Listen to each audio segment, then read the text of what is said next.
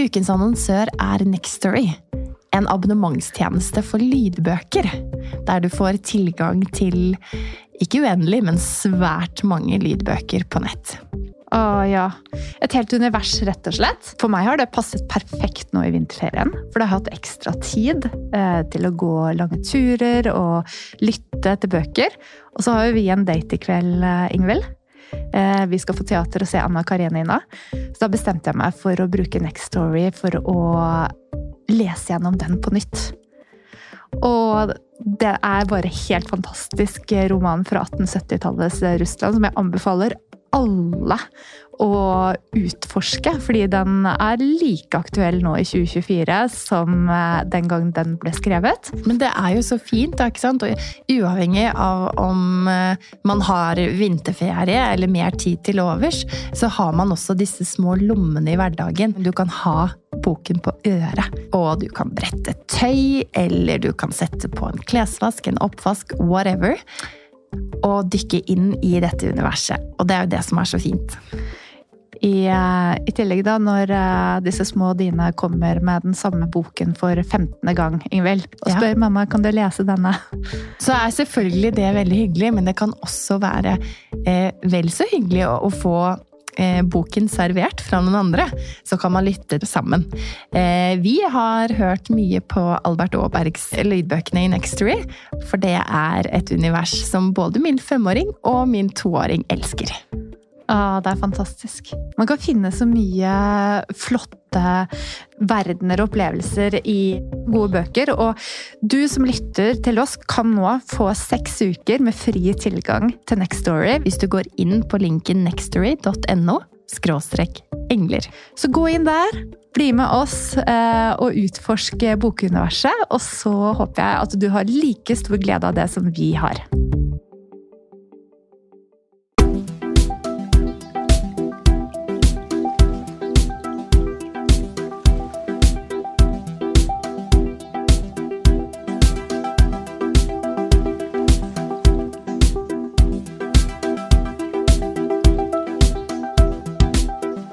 Velkommen til Engler og hormoner. Inspirasjon og ny kunnskap om helse, selvutvikling og livsstil.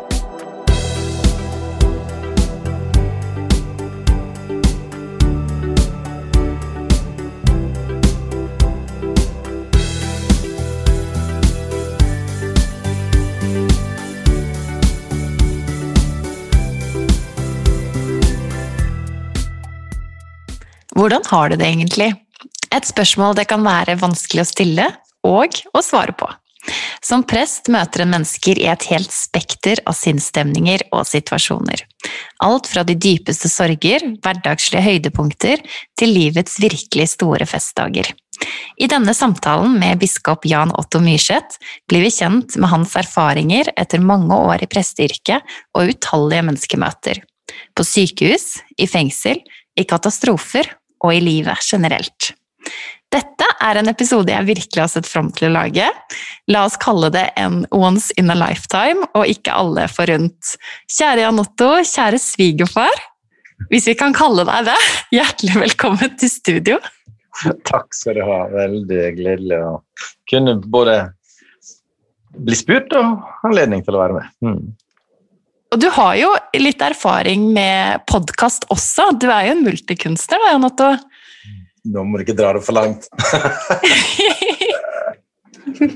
ja, altså vi har eh, så vidt starta opp eh, fra bispedømmekontoret med å, å, å, lage en serie. Og akkurat nå så driver vi med å markere Tønsberg by, som jo er stolt av å være landets eldste by og, skal, og feirer altså i år 1150-årsjubileum. Og da har vi fire kvelder der jeg da inviterer interessante samtalepartnere til uh, å belyse liksom, byens både historie og nåtid, og kanskje litt framtid, etter beste evne. Mm. Så Tønsberg er da stedet du bor nå, men eh, det har vært en lang reise før du kom dit. Vi vil veldig gjerne bli litt bedre kjent med deg, Jan Otto. Og jeg kaller deg ikke svigerfar. Ja, eh, altså jo, det, det, de fleste vil vel eh, oppdage at uh, målet mitt røper en ganske annen, et ganske annet utgangspunkt enn Vestfold. og jeg er født inn Jeg våger å si at jeg er født inn i et fantastisk landskap på altså uten, helt uten patriotisme og helt objektivt, selvsagt, det vakreste som vi har å by på i Norge. På Nordvestlandet. I eh, en kommune som heter Sykkylven, men i ei lita bygd som heter Hundeidvik. Og på, i min oppvekst så bodde det en 300-400 mennesker der. Like ved utløpet av eh, den ville og vakre Gjørundfjorden. Eh, der eh, mennesket i årtier har klora seg fast i fjellsidene, i de grastfustene som måtte finnes. Og, eh, og, lagt ut på roboten og skaffa seg eh, næring og, og til, til, neste dags måltid. Ja, så, men iallfall jeg har veldig tro på at landskap er ikke døde ting, men det er veldig viktige faktorer som avgjør hvordan vi mennesker forstår oss sjøl og viktige faktorer til å forme oss også.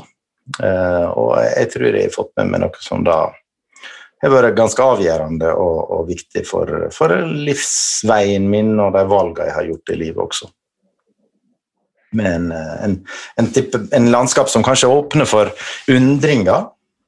For, for opplevelsen av altså, en slags ydmykhet, eh, en erkjenning av at um, ja, livet er en gave og, og, ikke noe vi kan ta for gitt. Uh, og jeg, jeg ble veldig, I, i senere år så er jeg blitt veldig fascinert av um, altså den keltiske filosofien og religiøsiteten. Uh, uh, som, også, som rommer en veldig følsomhet nettopp på, for disse tingene her. Sånn. Og, og da, da handler det både om ytre former, men ikke minst kanskje om en rytme i, um, i, universet, i tilværelsen. Uh, og en sammenheng mellom det ytre og det indre. Uh, de, altså, den franske filosofen og matematikeren Pascal sa du bør alltid ha noe vakkert i sinnet. Ja. ja. Så det, det, det syns jeg er en utfordring å, å, bære med seg det vakre, også i møte med hesligheten, som kanskje både mange deler av det moderne samfunnet er prega av. Uh, når vi kanskje tyner på en måte naturens grenser uh, for langt og, etterlate oss uh, også ting som, som, ikke er så veldig bra for mennesket å ha som livsmiljø. Mm. For du har jo en erfaring både som jeg sa innledningsvis, um, som sykehusprest, fengselsprest osv., så, videre. så du har jo møtt mennesker i ja, veldig mange forskjellige situasjoner. og utallige mange individer. Mm. Ja, Altså Fengselsprest har jeg bare vært sånn i, i små glimt som vikar. Eh, men, men, det har vært en fascinerende opplevelse å møte mennesker som sitter da begrensa eh, på den måten. Eh, og mens sykehusprest fikk jeg gleden av å være sånn, i en bistilling gjennom mange år, og det, det ga veldig mange sterke inntrykk eh, av ja, og, og, en opplevelse av å få bekrefta veldig eh, viktigheten av å møte mennesker der de er, eh, midt i den livssituasjonen de er. Og kunne lytte til dem eh, nettopp i, eh, i, den situasjonen de befinner seg i, stedet for å ta for gitt, som det lett eh, skjer i veldig mange menneskemøter, at vi eh, tror at på oss sjøl kjenner vi alle andre, liksom. Men tvert imot. vi kjenner kanskje ingen andre på oss sjøl. Mm. Det er veldig viktige ord. Eh, og innsikten i det er jo kanskje noe som er grunnlaget for å kunne møte mennesker der de er også. Ja. ja jeg, jeg, tror det er altså viljen til, eller motet til, å gå innover. Uh, og uh, våge å få opplyst kanskje noen av de rommene som vi helst skulle sett at var mørklagte. da. Mm. Vedstå seg det en kanskje sliter med sjøl, som en bærer på av, av uforløste ting. For enten vi vil eller ei, og enten vi er, er oss det bevisste eller ei, så, så, preger den bagasjen vi har med oss, måten vi møter andre mennesker på. Enten vi går langt, langt tilbake til det vi har av traumer og vanskelige opplevelser i barne og oppvekst, men, men, også akkurat det jeg står i til daglig, eh, må jeg måtte prøve å, å, forholde meg til på en, eh, på en, en avklart måte, for at ikke det skal forstyrre eh, møtet med den andre. Mm. Jeg tenker jo at når man møter en prest, da, så er det jo gjerne til eh, gitte spesielle anledninger. Enten det er glede eller det er mer sørg, sørgelige situasjoner man står i. Eh, hvordan er det man da liksom skaper akkurat dette rommet for å åpne opp eh, i disse mørke skuffene, hvis man kan kalle det det? For det kan være, kanskje være lettere til en prest eller til en person som kommer inn og som stiller seg helt objektiv, fremfor i andre eh, relasjoner, da. Har ja. du reflektert noe rundt det, liksom? Ja, altså jeg um, De fleste Hvis de først tør å nærme seg en prest, så vet jeg kanskje stort sett hva han er til for. nå er det jo, skal jeg jo med en gang også si at uh, dessverre så uh, er det nok av og til en viss sannhet i um, ryktet om at prester ikke lytter, um, og at de er mer opptatt av å snakke enn å høre. Um, så det er jo første, det første steget, tenker jeg. Altså jeg må bevisstgjøre meg at når jeg går inn i et møte med et annet menneske, så har jeg altså to ører og én munn, og jeg bør bruke begge ører før jeg bruker munnen. uh, og ikke servere um, sannheter uh, på løpende bånd uten å forsikre meg om at dette er relevant for vedkommende menneske. Så da tenker jeg at det å starte med spørsmål heller enn med spørsmålstegn heller enn utropstegn er kjempeviktig. Eh, og et forsøk på å leve seg inn i, apropos den sensibiliteten som jeg var inne på i stad i forhold til naturen. Um, altså, den samme undringa som jeg møter overveldende natur med, bør jeg også møte det enkelte mennesket med. Med en bevissthet om, og en visshet i at, om at hvert menneske egentlig er et mysterium og er ei gåte. Um, og det for meg så, og jeg tenker at uh, For alle mennesker som på en eller annen måte lever av å snakke med andre, uh, så tenker jeg at det er godt å minne seg sjøl på den tradisjonen som går helt tilbake til Sokrates. Uh, og som da hans metode, som jo gjerne blir kalt for majertikk, og som jo har har med, med, kunsten å føde barn å gjøre, egentlig. Eh, det, som dere vet mye mer om enn meg. Men, men eh, sånt, en, en, fødselshjelper, ei jordmor, eh, er der for å hjelpe til med å forløse barnet. Og slik vil enten jeg nærme meg som terapeut eller som sjelesørger, eller, eller på en annen måte forholde meg til, til mennesker for å hjelpe så tror jeg det viktigste er å ta med seg den åpenheten for at svaret ligger egentlig hos den enkelte som jeg samtaler med. Og det er ikke noe jeg skal tre nedover ørene på han eller henne. Men jeg skal kanskje ved å stille de fornuftige spørsmålene, kanskje ved å være villig til å gå et stykke vei sammen med vedkommende, i undring, eh, i dialog, eh, håpe at eh, sannheten kan bli, bli klar, eh, tydelig, eller veien kan bli avklart for vedkommende i løpet av den tida vi går sammen. Mm. Innledningsvis så forsto jeg det også som at en del av å komme til det punktet eh, for deg eh, er også å se innover på sine egne mørke sider og bringe de frem i lyset. Forsto jeg det riktig at det er en del av prosessen? Absolutt. Um, for meg har det vært helt avgjørende å sjøl kunne ha samtalepartnere, enten det Og jeg har gått både hos uh, meg, altså sjelesørger, prest, uh, andre typer lærere, uh, psykolog, veileder Nettopp for å, å, å, å bevisstgjøre meg det jeg sjøl bærer på. Og, og få hjelp til å se med den andres øyne hvem jeg er. For det er noe med at vi blir til i den andres blikk. Mm. Eh, som, eh, som, jo flere inspirerende tenkere sier noe om. Og at, eh, at, det er når jeg blir meg bevisst også at i meg så rommes det mange stemmer.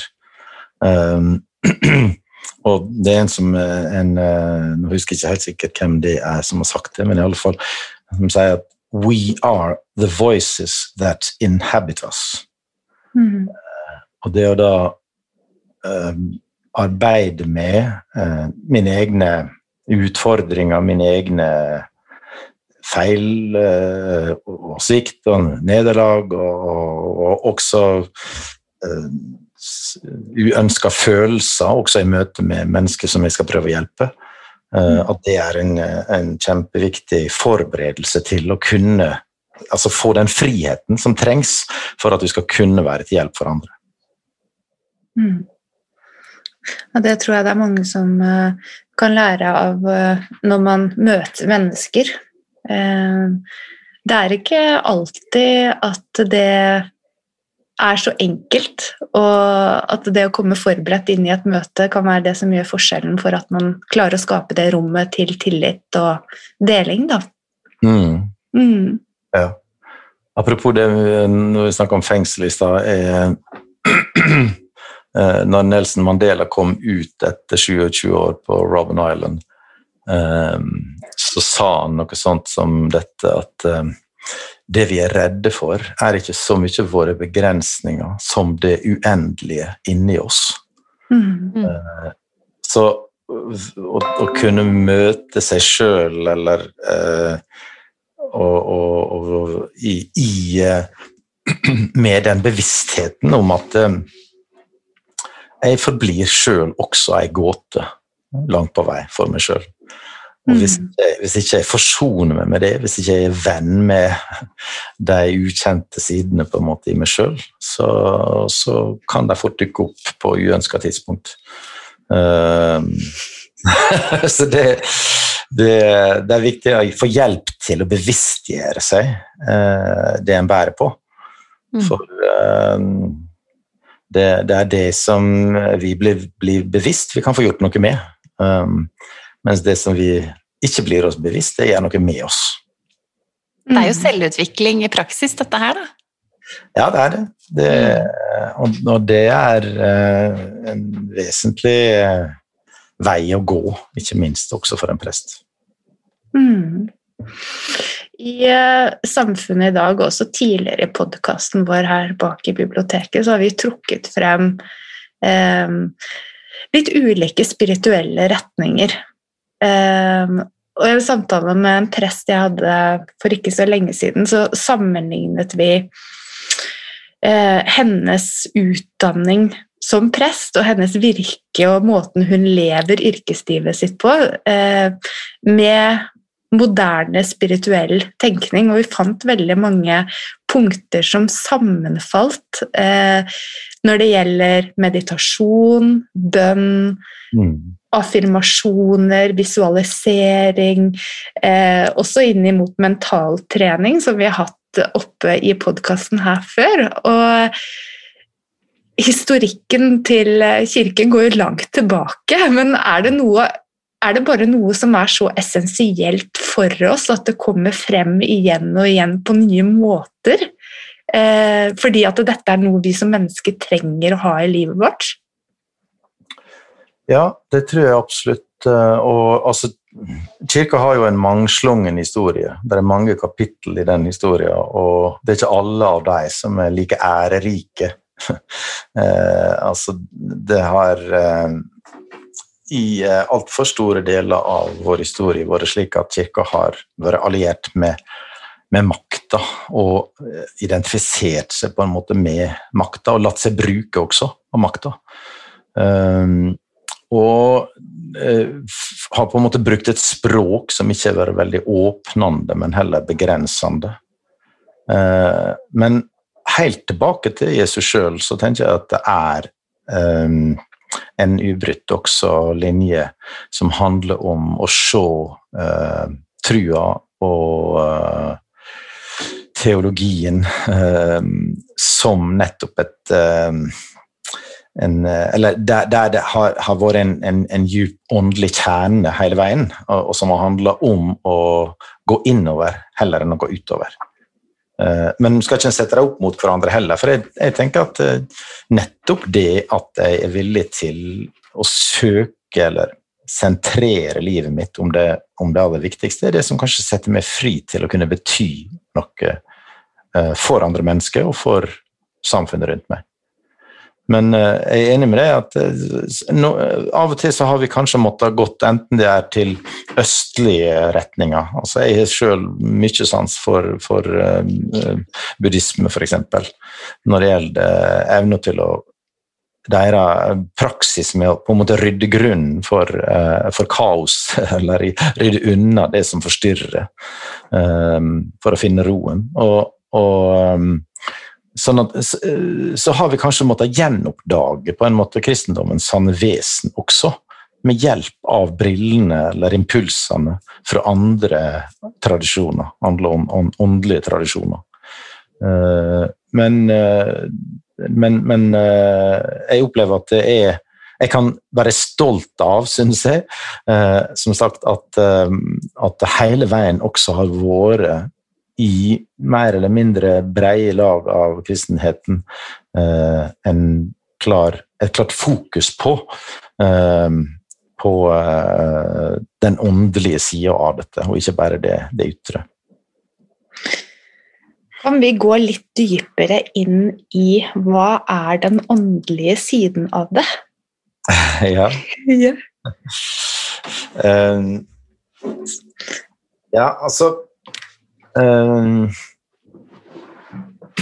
Jesus sa i et kjent uh, bibelord, i, Bergpreik, som gjør på en måte uh, Jesu mest berømte tale, og kanskje verdenshistoriens best, mest berømte tale, så sa han det at når du ber, da skal du gå inn i ditt rom, altså i ditt private rom. Du skal lukke døra, og så skal du be til din far, som er i det skjulte. Ehm, så dette handler altså om aktivt å søke stillheten. Det handler om å stenge av for forstyrrende støy. Og, og så vite at du kan føre en enkel samtale med han som har skapt deg. Um, så Rowan Williams, som var erkebiskop i uh, Canterbury, um, sa det at uh, bønn i kristen tradisjon det handler først og fremst om å ta imot en invitasjon. og, Jens, og så svare, svare, på den, på en måte. så så det, det, handler om eh, et indre liv, det handler om noe som er, er avsondra. Men på den andre sida så er det en vesentlig et grunntrekk ved, eh, ved, ved den kristne trua at eh, vi ikke setter opp en veldig skarp et skarpt skille mellom det indre og det ytre. Det henger i hop. Så kontemplasjon og aksjon henger sammen. Um, det uh, meditative står ikke i motsetning til det aktive. Uh, og uh, så det, som, det, er en som har brukt bilde med, med bueskyting, pil, pil, og bue. Sant? Når du trekker buen, eller trekker strengen tilbake med pil og mm nærest mulig hjertet, eh, så er det du også henter kraft til å kunne skyte ut, på en måte. Mm. Eh, så eh, alle mennesker trenger både den sentripetale bevegelsen, altså inn mot sentrum, og den sentrifugale. Mm. Det står i et helt dynamisk vekselvirkningsforhold til hverandre.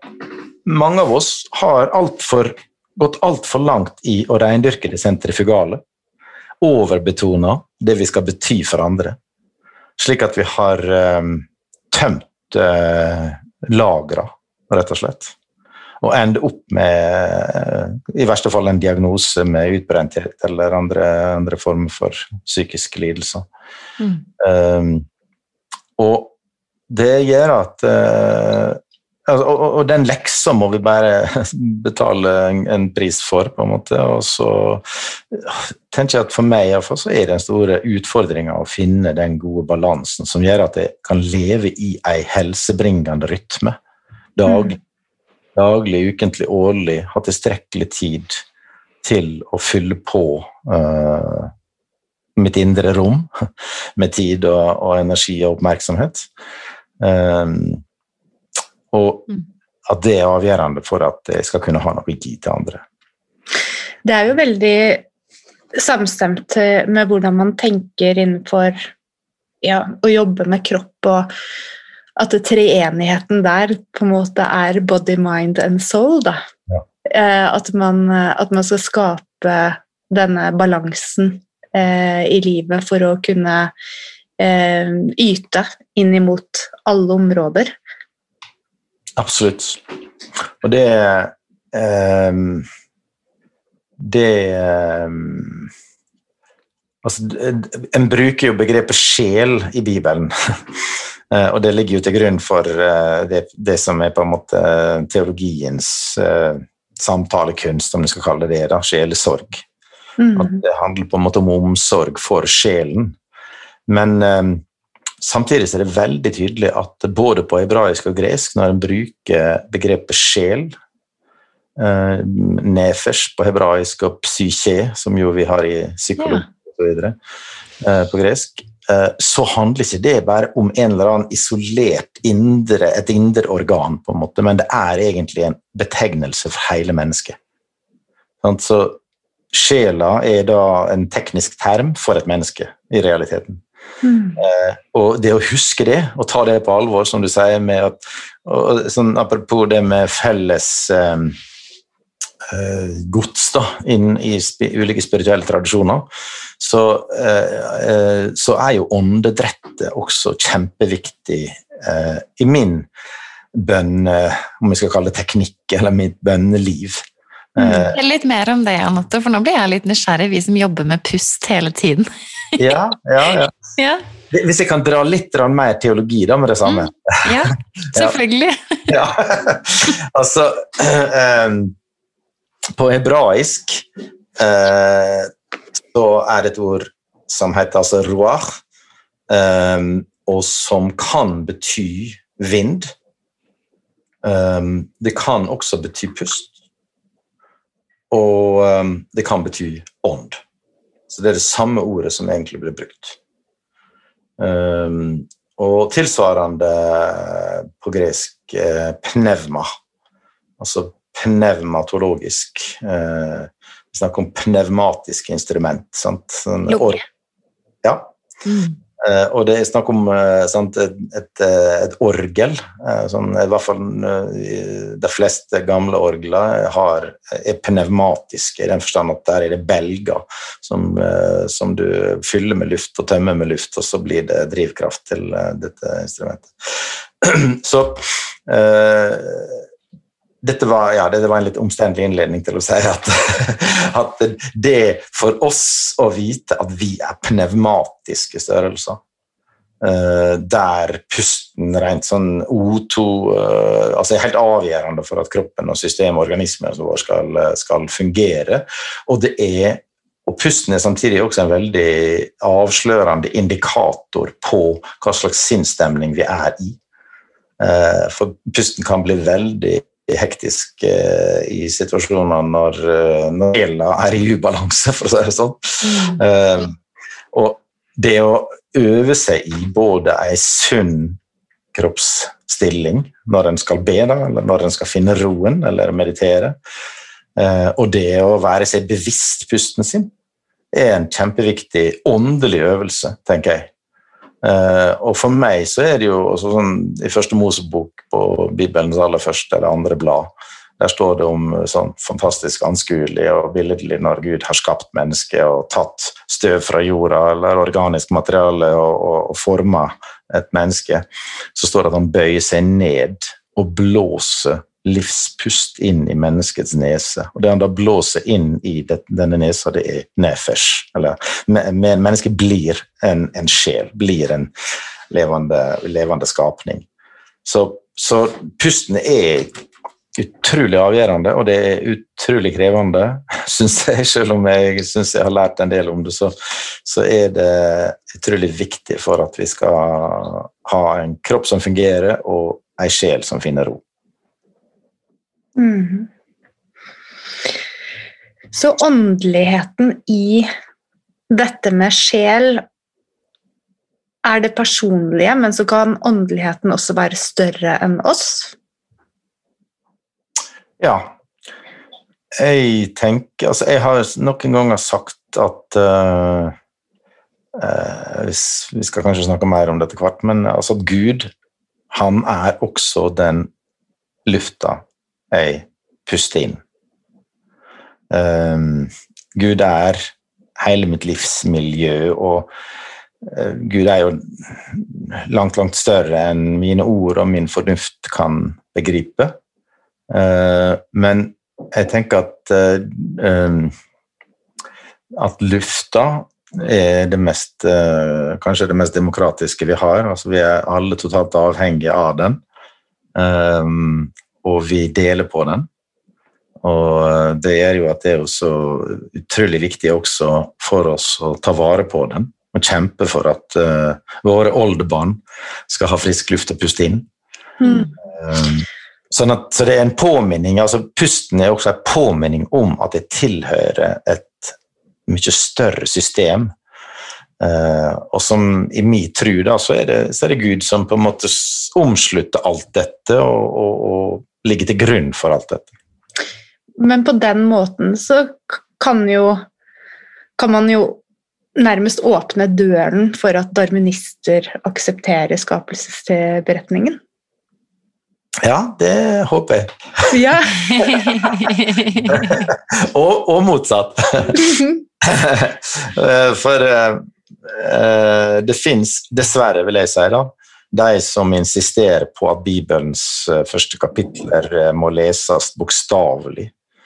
Eh, som altså omtrent på linje med, med moderne naturvitenskapelige framstillinger av hvordan livet blir til. Det er jo totalt feilslått, etter mitt skjønn.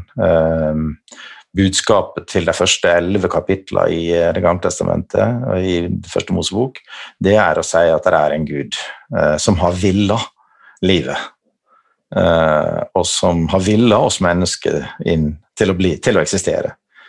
Eh, men å skulle sette tru og fornuft, tru og vitenskap opp mot hverandre, eller Bibel og Darwin opp mot hverandre, det er eh, totalt feilslått. Det er fullstendig misforstått, etter mitt skjønn. Jeg vil eh, lytte uh, ivrig og gjerne til uh, dyktige naturvitenskapsmenn som bruker sin kløkt sin tradisjon, sin teknologi, til å finne ut mer om hvordan dette fantastiske universet fungerer, og hvordan det er blitt til. Og ingen av de, ingen av de uh, funnene de kommer fram til, um, truer uh, mi har en slags enkle, vanlige, tillitsfulle tro på at det finnes en gud. Mm.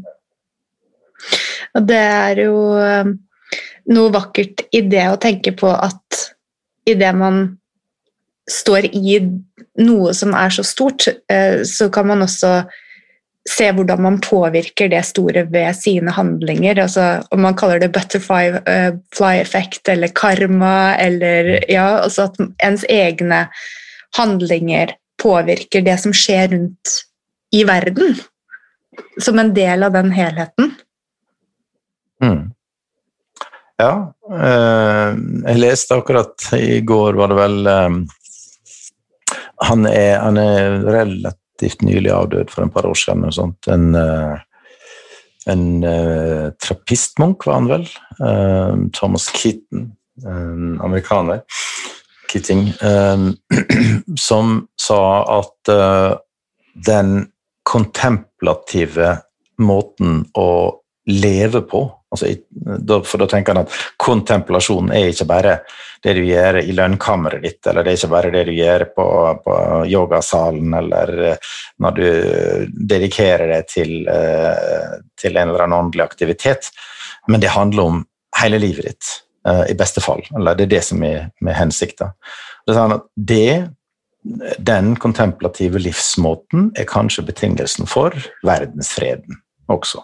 Altså mm. at enkelte mennesker ved sin måte å akseptere både sine egne begrensninger, eh, akseptere at eh, det er, en, det er noe som er mye, mye, mye større enn meg sjøl, og som jeg bare må bøye meg for, og som prøver å innrette livet sitt på en sånn måte at en kan leve i harmoni både med seg sjøl, med sine medmennesker, med alt det andre skapte, og for min del med Gud.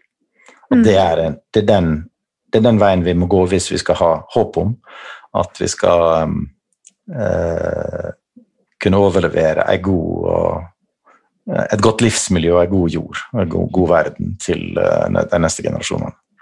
Jeg kom til å tenke på episoden vi hadde med Frode Wold, og den vet jeg jo at du har lyttet til, eh, Jan Otto. Eh, hvor han kommer litt inn på dette her med hvordan vi mennesker har endret oss gjennom tidene, bare med hvordan vi bor og hvordan vi ja, skaper hus. um, uh, i en periode hvor vi uh, har blitt kanskje uh, mer og mer individualistiske. Og vi ser jo også at vi gjerne skjermer oss kanskje mer og mer mot også det indre livet, og det blir vanskeligere å, å skape det rommet da, for å vise sårbarhet til andre. Vi bor i store hus, og vi skaper liksom en avstand til andre. Mm. Og så har vi kanskje et håp og en tro om at um, om at vi etter et år som eh, et drøyt år som vi har vært igjennom nå, kan åpne litt mer opp og se litt mer på det som kalles for et fellesskap, da. Mm. Det er jo historikere som sier at uh, en av de mest dyptgripende endringer i det norske samfunnet i moderne tid, altså moderne hvis du går tilbake til uh, den moderne tids start på 1600-tallet, kanskje. Det er den såkalte Jeg kaller det forresten ikke jordreform, men um, jords... Altså iallfall når fordi at I gamle dager så var det gjerne slik at uh, en bodde mer i type landsbypreg, alle det vi ser kanskje nedover i Europa. Eh, mange hus tett i tett. Eh, og så gikk en ut til kanskje felles jorder og marker og, og sånn, eh, som, som, alle hadde jobba på sammen, mer eller mindre. Men når en altså begynte å skille ut eh, jordteiga, og så flytta etter til sin teig, så falt egentlig veldig mye av bunnen under det som kanskje var det sosiale limet, vekk. da.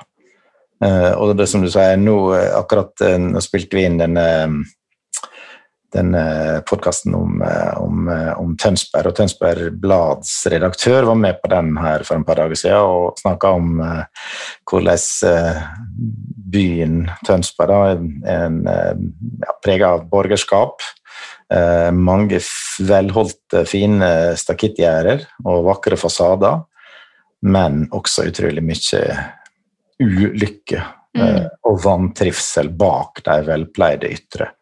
Mm. Eh, så det, det, det, tror jeg absolutt at vi, vi, er betydelig flinkere til å holde fasaden pen enn vi er til å ta vare på det som er på innsida. Det er et uh, tankekors. Hvordan uh, gjør du det selv da, Jan Otto?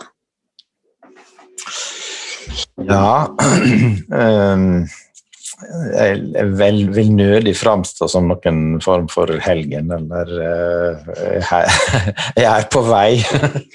jeg kjenner veldig godt på mine egne svakheter.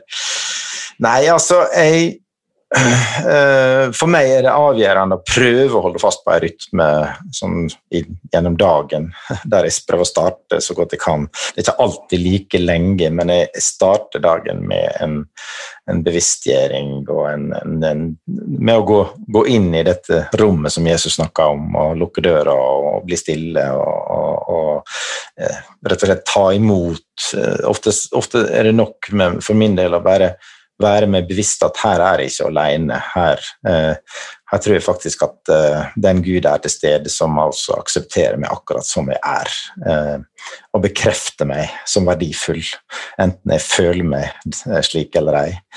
Eh, og så eh, så, er, så, handler det om å pleie godt, pleie relasjonene til de jeg er glad i.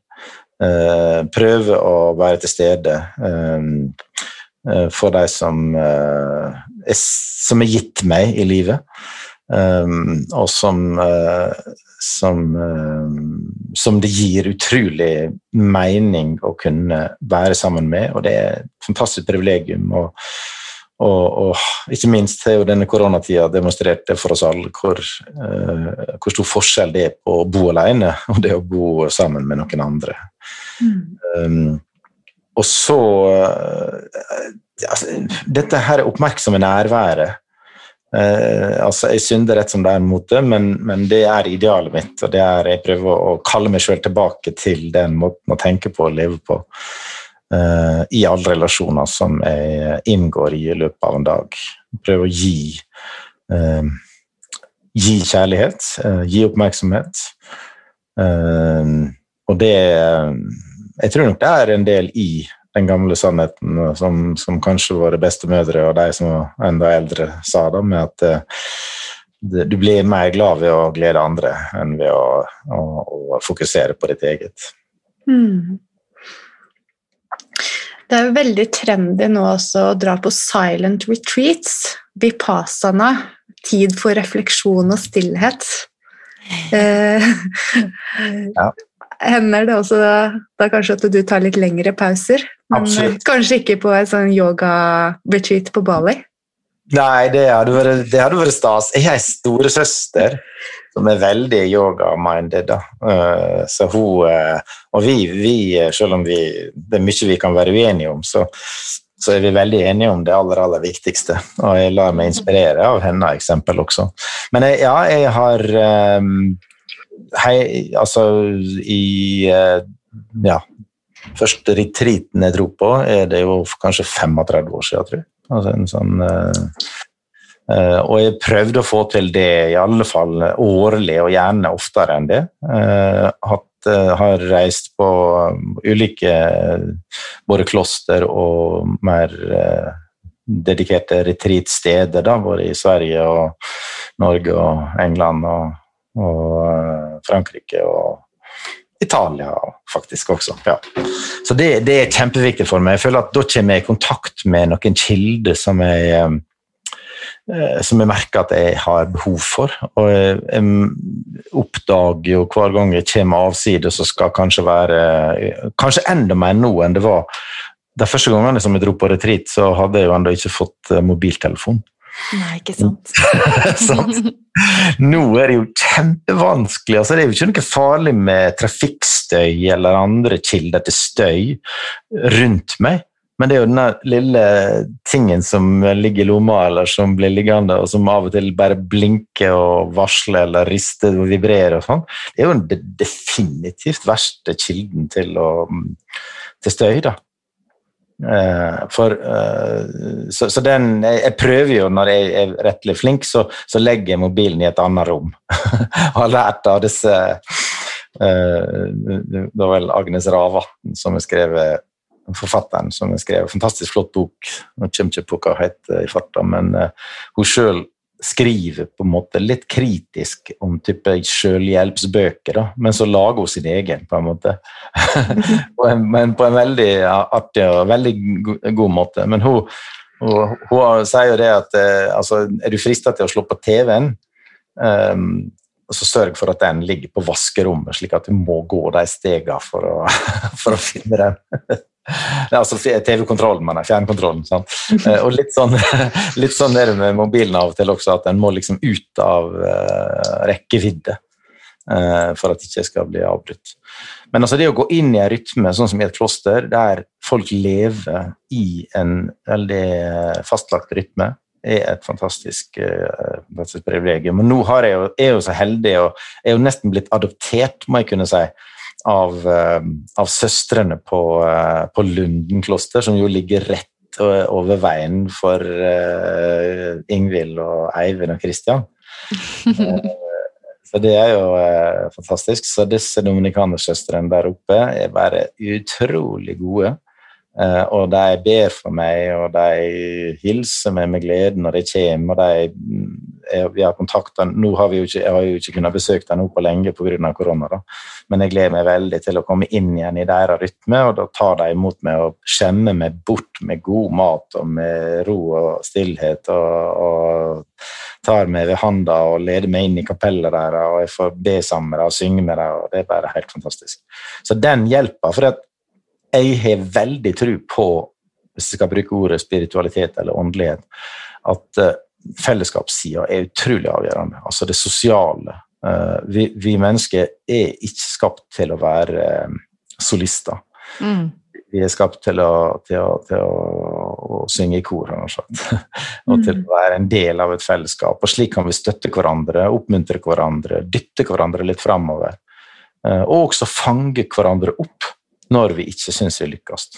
Det er en djup, eh, sånn, eh, trøsterik sannhet, syns jeg, i, i trua mi også, at eh, når jeg, når jeg kommer til kirka, kanskje nedtrykt og, og bærer på mine tunge ting og sånn, det er ikke alltid at jeg går ut derfra og er kjempelykkelig, men jeg har fått en bekreftelse av at jeg er ikke alene. Mm -hmm. Og jeg har fått en bekreftelse av at det, det henger ikke på heller alltid min aktive deltakelse. For der er et fellesskap som kanskje tror på mine vegne, som bærer meg, også når jeg tviler. Ehm, så, så, for meg så er det viktig. Nå, nå starter predikanten her, som dere skjønner. Ja. det var ikke meninga! Men hva, hva, er dine tanker, da? Nå har vi jo kommet litt inn på korona allerede, men liksom det å da ikke kunne møtes eh, sånn som man har pleid, og for gjerne eh, kanskje de som er ensomme og som har hatt eh, f.eks. en gudstjeneste som fast inventar i uken, liksom, og som et høydepunkt. Mm. Hva, hva, ja, hva tenker du rundt, rundt det? akkurat når det kommer til denne rytmen og det å mm. føle dette fellesskapet og ja, altså det, jeg vet at det er mange som har savna veldig den, den, muligheten. Og kanskje de, de som har vært aller mest sårbare også i forhold til virus, er jo de som da uh, kanskje kunne nettopp trengt den bekreftelsen. Altså Kanskje du både lever alene, og du tilhører en risikogruppe, og du er godt voksen og sånn. Sånn at øh, og, og da bli sittende isolert som dessverre altfor mange er blitt nå gjennom denne tida her, det er klart det er kjempetøft. Og også for ungdom, som jo vi vet eh, Det er veldig urovekkende høye tall på, på, unge som sliter med psykisk uhelse. Og, og, som helt klart har fått nye utfordringer, eller forsterka utfordringer gjennom denne tida her. Sånn. Um, så nå er det jo heldigvis veldig grunn til optimisme, syns jeg. Eh, på at, eh, og neste søndag så skal jeg eh, så skal jeg få være med. det, er en av, eller Preses, altså ledende biskop i Den norske kirke, lanserte ideen om at den påskefeiringa vi fikk ikke anledning til å ha, for det at vi kunne jo ikke ha gudstjeneste i hele landet akkurat i påska i år, den kan vi ta igjen sammen med de ortodokse. Altså, de ortodokse er jo de østlige kristne, også i Russland, Hellas øh, og, store deler av kristenheten østover. De har jo en litt annen kalender enn oss, så deres påskedag er faktisk neste søndag. Altså 2. mai er påskedag ifølge den ortodokse kalenderen. Um, og nå i Tønsberg domkirke så har de sagt at uh, vi vil gjerne feire påskedag neste søndag, altså 2. mai. Så da skal jeg være med. Eh, og det gleder jeg meg veldig til, og det tror jeg det er mange som ser fram til også. Dessverre også med, fortsatt med antallsbegrensninger. Men eh, samtidig så vil jeg jo si at det er mange som Vi har jo oppdaga i kirka, som ellers i samfunnslivet, at eh, vi har mange andre muligheter som vi ikke helt sett eller tatt i bruk før enn vi kanskje måtte det. Eh, så det er blitt laga veldig mye fine ting digitalt. Strømma gudstjenester eller opptak av gudstjenester som blir, eh, som blir sendt eh, via Facebook eller YouTube eller andre kanaler. Og, og det er jo ei trøst, eller det er jo et mm. visst Det kan jo være, gi en, en viss litt næring, men det er klart det er ikke det samme. Og særlig fordi at altså, i min kristne verden, eller den kristne filosofien eller kristne virkeligheten, den er veldig materiell. Altså. Den er veldig fysisk. Uh, hele kjernen i budskapet dreier seg om at Gud er blitt menneske, blitt kjøtt og blod. Og tjene oss andre, oss mennesker, og si at vi skal tjene hverandre. Eh, og, og, den fysiske kontakta, berøringa, muligheten for å være sammen i et fellesskap, den, eh, den kan ikke erstattes. Det er mange som opplever at de er alene, og så har jeg lyst til å trekke det litt tilbake til dette med åndelighet og pust og mm. sjel. eh, eh, og jeg har hørt noen beskrive det når de har vært sammen med, med, noen som har tatt sitt siste åndedrag, altså sin siste pust, mm. at det, der var det som sjelen forlot kroppen. Mm. Mm. Um, jeg vet ikke, jeg syns bare at det er et veldig fint bilde. Også mm. når vi jobber med mennesker der vi tar på kropper når vi behandler, at vi kjenner hvordan pusten også gir liv til mennesket. Ja. Um, men det å sitte igjen da ved siden i den ensomheten mm.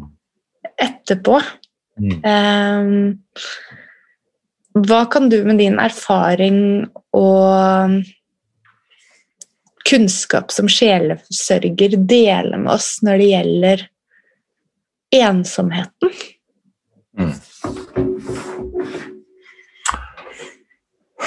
Ja, altså, ja, jeg, jeg, tror det er eh, altså Alle som har sittet og opplevd den overgangen fra at et menneske puster, og så ikke lenger gjør det Jeg tror jeg vil kjenne igjen den beskrivelsen du har der. Altså, det, det er altså, Eller den kroppen som ligger igjen der, er ikke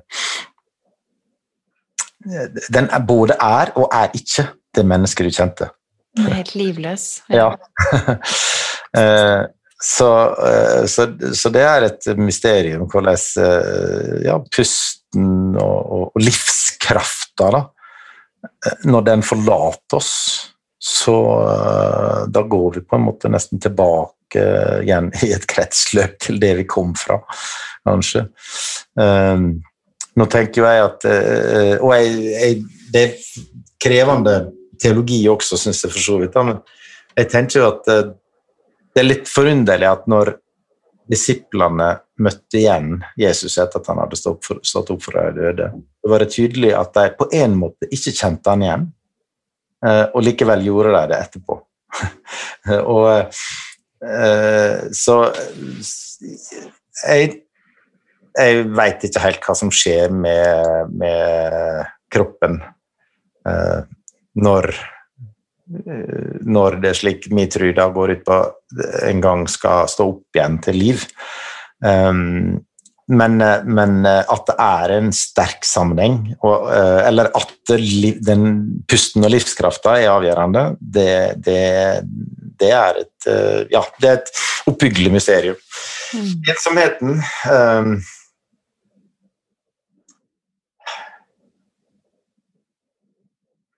Ja, eh, det er jo dessverre altså For én ting en, Nå vet jeg ikke om jeg svarer helt på det du spør om, men jeg skulle jo ønske vi var flinkere til å oppdage hverandres ensomhet.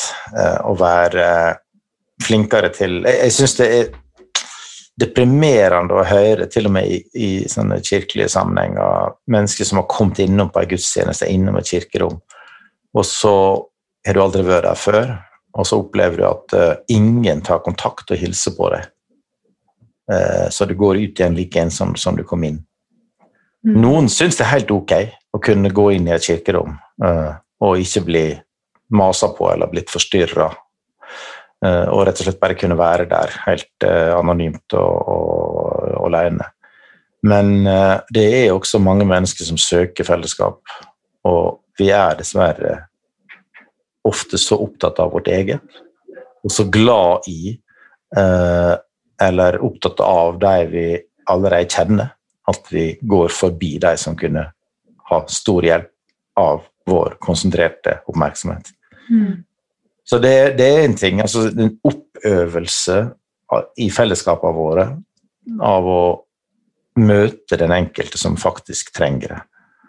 Um, så er det jo ikke noe quick fix eller en enkel medisin mot ensomhet. Uh, jeg kan selvsagt med mitt utgangspunkt si at vi er aldri alene. Uh, og det mener jeg for så vidt. Uh, og da tenker jeg at det, det er eh, eh, Det kan for så vidt være en trøst å tenke på, eller huske på at, at eh, kanskje hvis Gud er en del av universet ditt, så, så er han aldri langt borte fra det. Iallfall er ikke han det i min tro. Altså, den hellige Augustin, som var biskop i Nord-Afrika på 300-400-tallet, han uh, sier noe sånt Hvis jeg hadde vært flink, så hadde jeg huska det på latin, men det er, ikke det, det er ikke det, viktigste. Men han sier at det, Gud, han er nærere meg enn jeg er meg sjøl. Altså Deus intimior intimio meo. Altså Gud er mer intim til meg enn det jeg er til meg sjøl. Um, så det er ei side ved Gud. Altså, apropos det med, med Guds bilde. Uh, vi har, uh, det mest fjerne er kanskje der uh, Delvis inspirert av Michelangelos Det sixtinske kapell, sant? når du ser skapelsen av mennesket og Gud som sitter på ei sky og retter ut handa og, og skaper eller gir liv til, til Adam. Men, men Gud er selvsagt ikke noe er ikke en størrelse vi kan lage et bilde av. For han, i stedet for å være et, et objekt i universet, på linje med oss, eller bare at han er mye, mye større enn oss, eh, det, det, stemmer ikke, rett og slett. For eh, Gud er eh, En annen eh, stor filosof har sagt at Gud er sjølve det å være. Altså uh, ipsum esse, som det heter på latin. Altså Gud er sjølve altså, Sånn at han er ikke en type, han er ikke en genus som menneske, som, som, som eh, ånd, eller uh, Ja, ånd er han for så vidt, da. men han er mye, mye mer, han, og, og, vi kan ikke begripe det. Så for somme så kan det kanskje være en trøst, men så, så, er, så er det så er det altså, Ofte så blir trøsten som jeg kan gi til et menneske som er ensomt, uh, mer ei byrde enn en lettelse. Ja.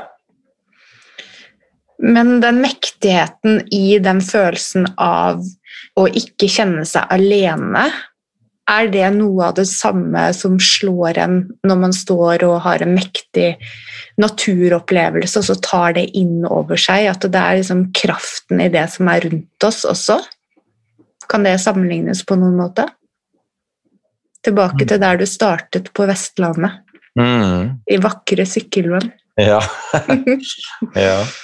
ja eh det kan godt hende at den øh, Altså, den føl... Den øh, undring da, som jeg har i møte med overveldende vakker natur eller voldsom natur, ehm, det, det er jo ehm, den, ehm, den hjelper meg til å huske at jeg er et lite menneske. Mm.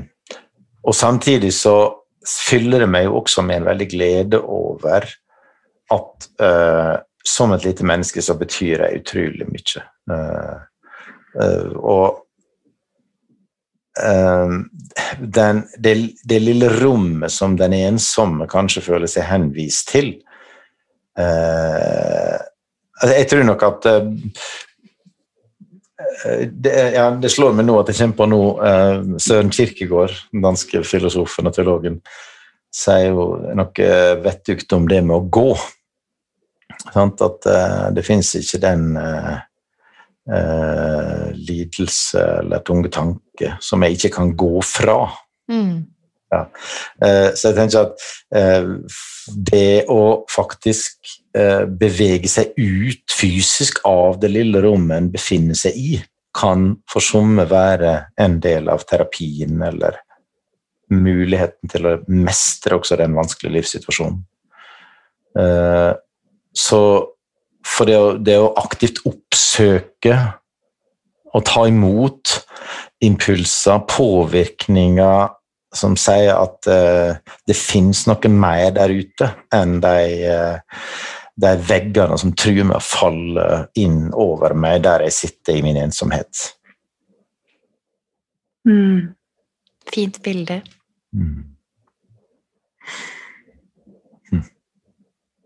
Er det noe mer um, som du føler du ikke har fått sagt?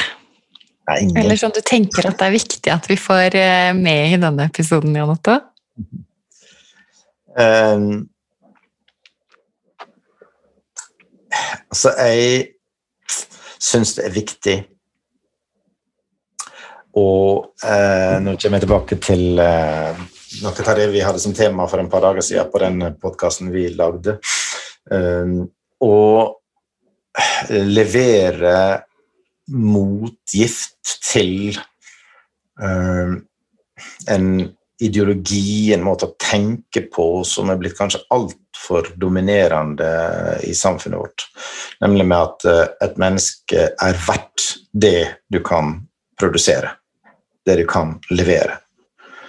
Ehm, det er noen som har sagt at eh, vi har gått fra å si 'hvis Gud vil', eller 'inshallah', som uh, muslimene sier, til 'hvis markedet vil'. Altså, vi mennesker er tillatt liksom, at vi er blitt gjort til uh, instrument. Vi er blitt, vi lar oss lett manipulere av reklame, av markedsanalyser.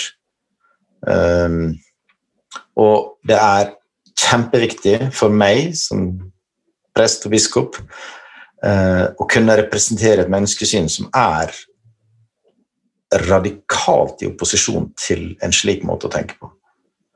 Eh, og at eh, det, de verdiene som kanskje også skaper Eller det at vi Det at vi setter dette produktive menneskesynet i høgsetet, er med på å skape mange tapere. Eh, er med på å gjøre at folk faller utafor. Eh, fordi du er utafor arbeidslivet, fordi du ikke har fått en partner eller en som du kan dele livet med. Eh, fordi du ikke lykkes med utdanning eller med på det ene eller andre området der vi lett, som vi lett bruker for å måle vår suksess og vår vellykkethet.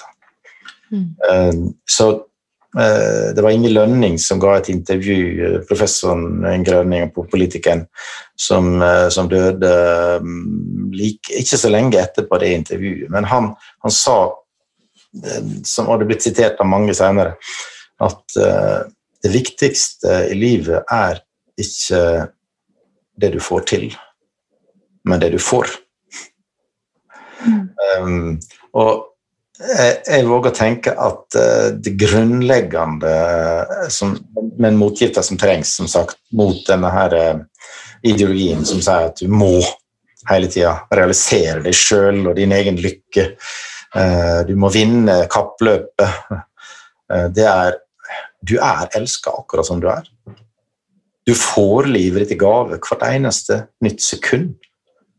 Og din verdi er ubegrensa.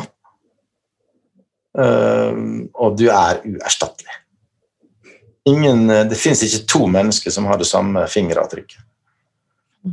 Eh, vi er ikke skapt til å kopiere hverandre eller eh, etterape andre, men leve det livet vi er satt til å leve, og med det utgangspunktet vi har fått, og med de evner og gaver og muligheter vi har. Det um, derf, Derfra må en starte, og ikke fra et slags ideelt utgangspunkt. Og så går veien videre eh, med å finne sin vei og finne balansen mellom det å yte og det å nyte, mellom det å gi og det å få. I eh, både medmenneskelige relasjoner og i møte med det en tror på.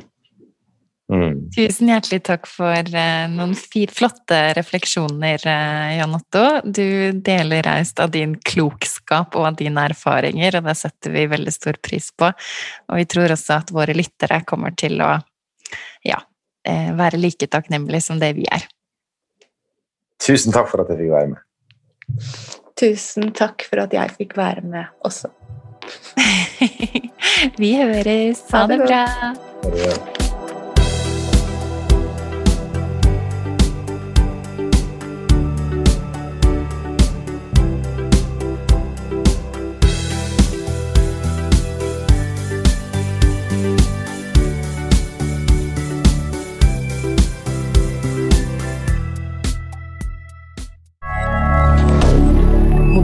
Moderne media.